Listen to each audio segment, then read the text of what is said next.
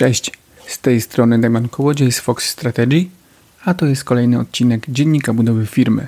Tym razem nie będę mówił o Google Ads, nie opowiem Ci jak skonfigurować konto reklamowe, ani też nie zdradzę Ci sekretów skutecznej reklamy. To zresztą zajawiłem na moim ostatnim podcaście, do którego oczywiście zapraszam. O czym w takim razie będę mówił? O czymś, co jest mega istotne dla każdego przedsiębiorcy, który chce zarabiać przez internet, a co dla sporej części właścicieli e-commerce'ów czy innych stron internetowych jest czymś, na co nie zwracali do tej pory uwagi. Ale dość tego budowania napięcia. Dzisiaj przybliżę Ci temat modeli atrybucji. Jeżeli jest to dla Ciebie coś totalnie nowego, to cieszę się, że mogę Ci przybliżyć to zagadnienie, bowiem jest ono niezmiernie istotne w samym procesie zrozumienia tego, kto tak naprawdę odpowiada za wszystkie konwersje na Twojej stronie.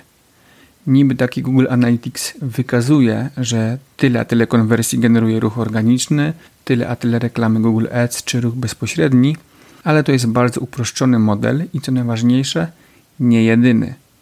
To, co widzisz w Google Analytics, to tylko fragment większej całości można by rzec, finisz wieloetapowego wyścigu kolarskiego. Dzisiaj wyjaśnię Ci pojęcie atrybucji, rozszerzę Twoje postrzeganie danych o nowe modele atrybucji i pomogę Ci zrozumieć, jak wygląda ścieżka do konwersji i dlaczego nie jest ona jednoznaczna. Do usłyszenia już za chwilę. Cześć, tu Ewelina. Cześć, tu Kasia. Cześć, z tej strony Oktawian. Cześć, z tej strony Ola. Cześć, z tej strony Dawid. Cześć, tej strony Kamil. Hej, z tej strony Damian. Cześć, tu Agata. To jest podcast Dziennik Budowy Firmy według Fox Strategy. Zanim wyjaśnię Ci, czym jest atrybucja, chciałbym zaznaczyć, że modelowanie atrybucji jest możliwe, gdy na naszej stronie internetowej i nieważne, czy jest to sklep internetowy, czy strona oferująca usługi, gdy na takiej stronie mamy podpięte śledzenie celów kluczowych dla naszego biznesu. Tylko i wyłącznie wtedy, gdy śledzimy konwersję, czyli transakcje, wysłanie formularzy kontaktowych, pobrania dokumentów w formie PDF czy połączenia telefoniczne ze strony, tylko wtedy mamy dostęp do raportów omawiających atrybucje. Bez tego ani rusz. Załóżmy więc, że śledzimy cele. Atrybucja to nic innego jak przypisanie konwersji do konkretnego źródła ruchu lub kanału marketingowego. Jest od groma źródeł ruchu, dzięki którym klienci oraz potencjalni klienci trafiają na naszą stronę lub do naszego sklepu internetowego. Najpopularniejsze źródła ruchu to Google Organic, czyli ruch organiczny z wyszukiwarki. Kolejnym jest ruch bezpośredni, czyli tzw. Tak ruch direct. Innym źródłem jest ruch z reklam Google Ads, czy też ruch z Facebooka, zarówno ten organiczny, jak i płatny. A także mamy ruch z całej masy stron odsyłających, czyli tak zwane referale. To mogą być strony partnerów, serwisy z naszymi artykułami sponsorowanymi lub porównywarki. Jeżeli użytkownik przychodzi do nas z reklamy Google Ads i dokonuje zakupu lub wypełnia formularz kontaktowy, konwersja przypisana zostanie w Google Analytics do źródła ruchu Google CPC, czyli właśnie do reklam Google Ads. Sprawa komplikuje się, gdy konkretny użytkownik trafiał na naszą stronę z różnych kanałów i z różnych źródeł ruchu, zanim zdecydował się ostatecznie kupić w naszym sklepie. Załóżmy więc taką sytuację. Użytkownik pierwszy raz miał styczność z naszą marką w sieci reklamowej. Zobaczył reklamę graficzną, kliknął w nią i trafił na naszą stronę. Przeglądał produkty, ale z jakiegoś powodu wyszedł ze sklepu. Później, dzięki remarketingowi, zobaczył ponownie reklamę naszego sklepu, ale tym razem na Facebooku. Kliknął w reklamę i dalej zapoznawał się z ofertą. Nie był jednak przekonany do zakupu i znowu wyszedł ze strony. Kilka dni później coś go natchnęło i postanowił szukać interesującego go produktu w wyszukiwarce. Tym razem użytkownik natrafił na wynik organiczny naszego sklepu, kliknął w niego i ostatecznie zdecydował się kupić produkt. Uf, no udało się. Mamy klienta, jest transakcja, jest hajs, wszystko się zgadza. Pytanie jednak brzmi, do którego źródła ruchu przypisać konwersję. Kto stoi za sukcesem? Reklama Google Ads, reklama na Facebooku, czy może wyniki organiczne? Gdy mamy jedno źródło ruchu, rozwiązanie jest proste, ale gdy ścieżka się wydłuża, komu przypisać zasługę? Na to pytanie odpowiedź próbuje dostarczyć atrybucja, a właściwie konkretny model atrybucji. W saporcie Google możemy przeczytać, że model atrybucji to reguła albo zbiór reguł, które określają sposób przypisywania sprzedaży i konwersji do punktów styczności na ścieżkach konwersji. A po polsku model atrybucji wskazuje, jaki procent udziału w konwersji ma dane źródło ruchu dla danej ścieżki konwersji. Niestety, a może na szczęście, nie ma jednego modelu atrybucji, chociaż zdecydowanie większość analiz opiera się na najpopularniejszym modelu atrybucji, czyli tzw. Tak last clicku. Jeżeli weszlibyśmy do panelu Google Analytics, tam dowiedzielibyśmy się, że konwersja dla powyższego przykładu zostałaby przypisana do ostatniego źródła ruchu, czyli w tym przypadku do ruchu organicznego. P przypomnę przykład. Użytkownik trafia na stronę z reklamy Google Ads, później wraca z remarketingu na Facebooku, a na końcu przychodzi z ruchu organicznego z wyszukiwarki Google i dokonuje transakcji. Jest to więc typowy model atrybucji oparty na ostatnim kliknięciu. Ale jest tutaj pewna pułapka. Tak naprawdę model atrybucji w Google Analytics to last click non-direct. Co to oznacza? Że konwersja jest przypisywana do każdego ostatniego źródła ruchu z pominięciem ruchu bezpośredniego, czyli ruchu direct. Jeżeli więc nasza ścieżka konwersji wyglądałaby następująco. Klient przychodzi na stronę z reklamy Google Ads, następnie wraca z remarketingu na Facebooku, później przychodzi z ruchu organicznego z wyszukiwarki Google, a na końcu wpisuje adres URL sklepu w przeglądarce i dokonuje transakcji, to teoretycznie konwersja powinna zostać przypisana do ruchu Direct. Tak nie jest i w raportach Google Analytics konwersja zostanie przypisana do ruchu organicznego. Wyjątkiem jest sytuacja, gdy ruch direct jest jedynym źródłem ruchu na ścieżce konwersji. Dlaczego model atrybucji w Google Analytics pomija ruch bezpośredni? Ponieważ ruch direct jest wypadkową działań marketingowych. Ktoś, kto zna adres sklepu czy strony internetowej, musiał wcześniej w jakiś sposób się dowiedzieć o istnieniu takiego serwisu, prawda? Czy to z reklamy, czy to w wyniku pozycjonowania i obecności pier na pierwszej karcie wyników wyszukiwania, lub też za pomocą aktywności w mediach społecznościowych.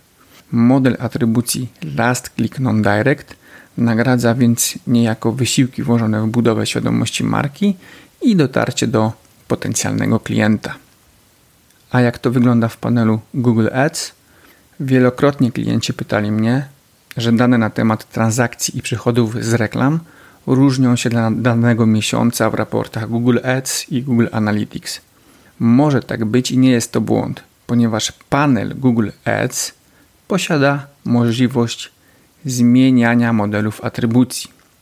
Docelowo z defaultu w panelu Google Ads ustawiony jest model Last Click, ale dostępne są również inne modele. Jeżeli więc na danym koncie reklamowym ustawiony jest inny model atrybucji, Wtedy raporty sprzedażowe między Google Ads a Google Analytics mogą się różnić.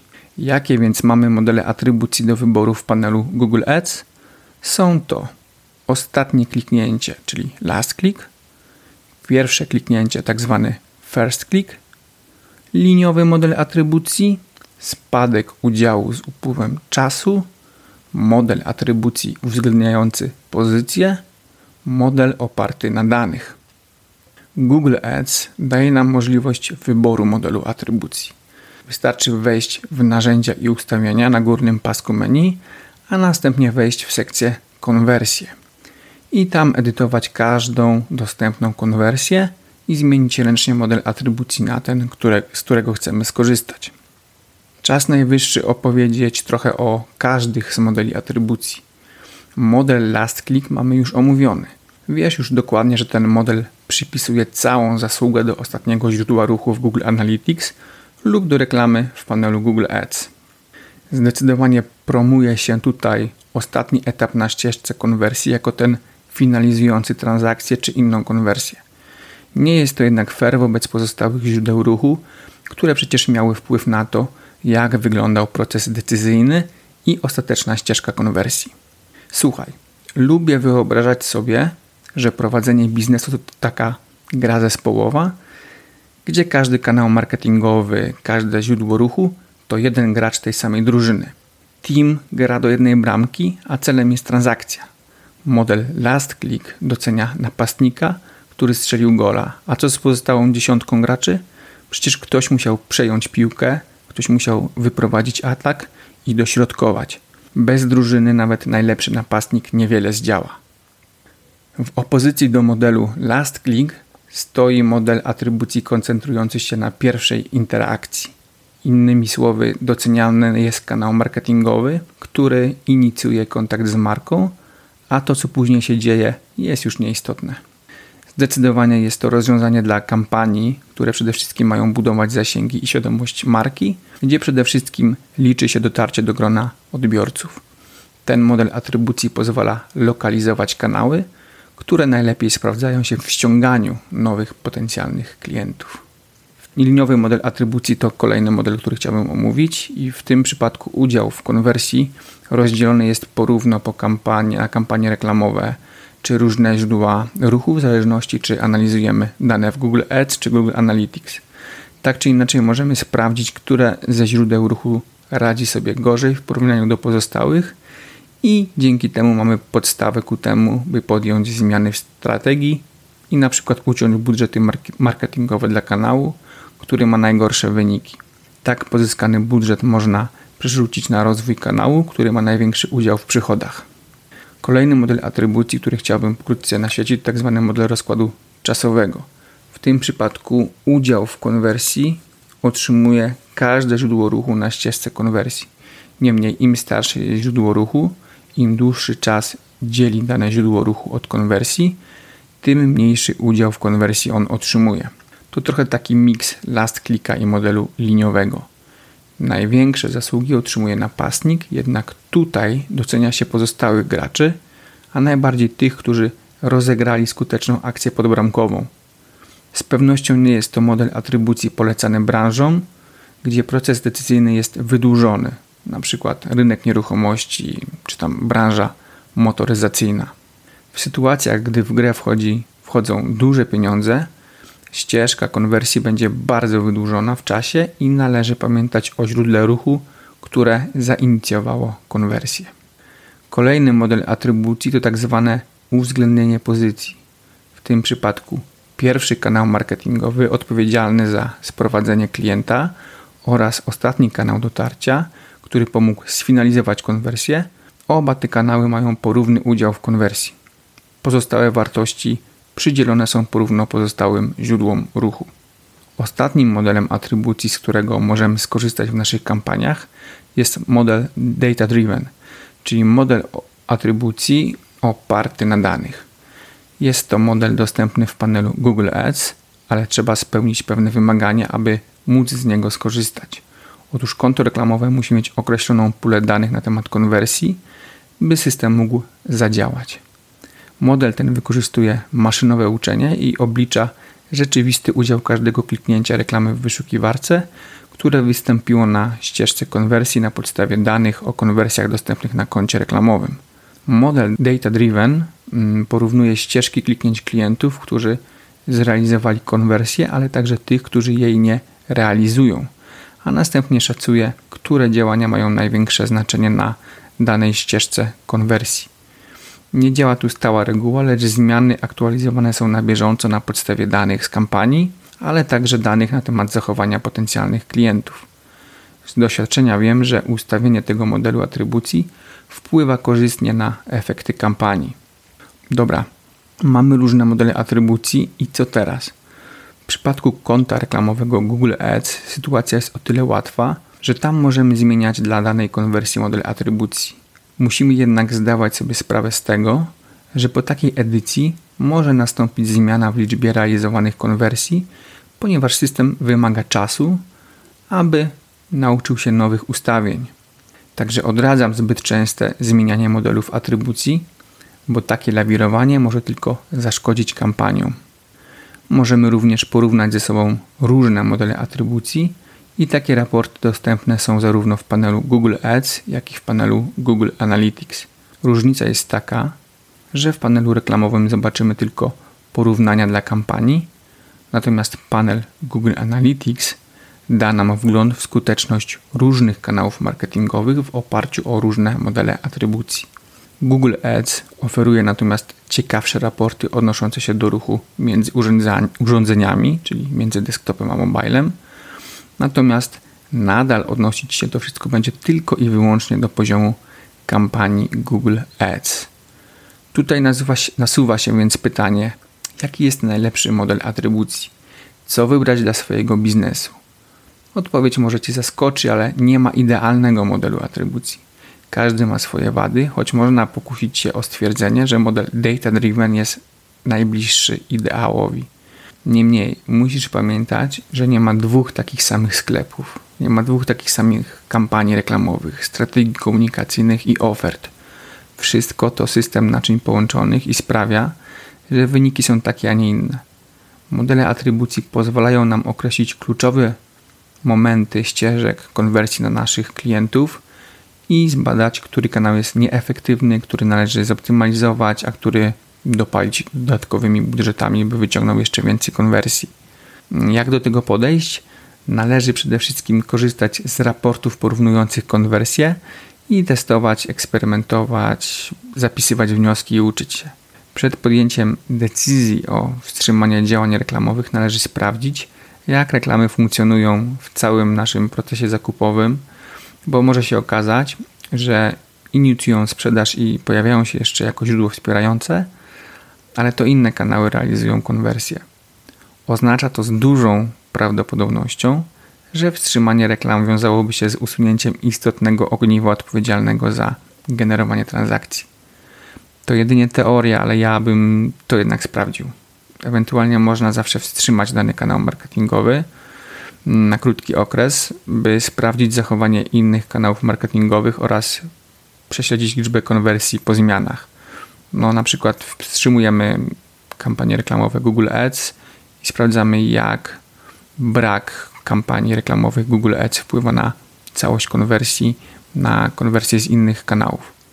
Na ten moment to wszystko. Mam nadzieję, że udało mi się przybliżyć temat modeli atrybucji i z powodzeniem będziesz mógł lub mogła samodzielnie analizować własne kampanie i źródła ruchu pod kątem modeli atrybucji.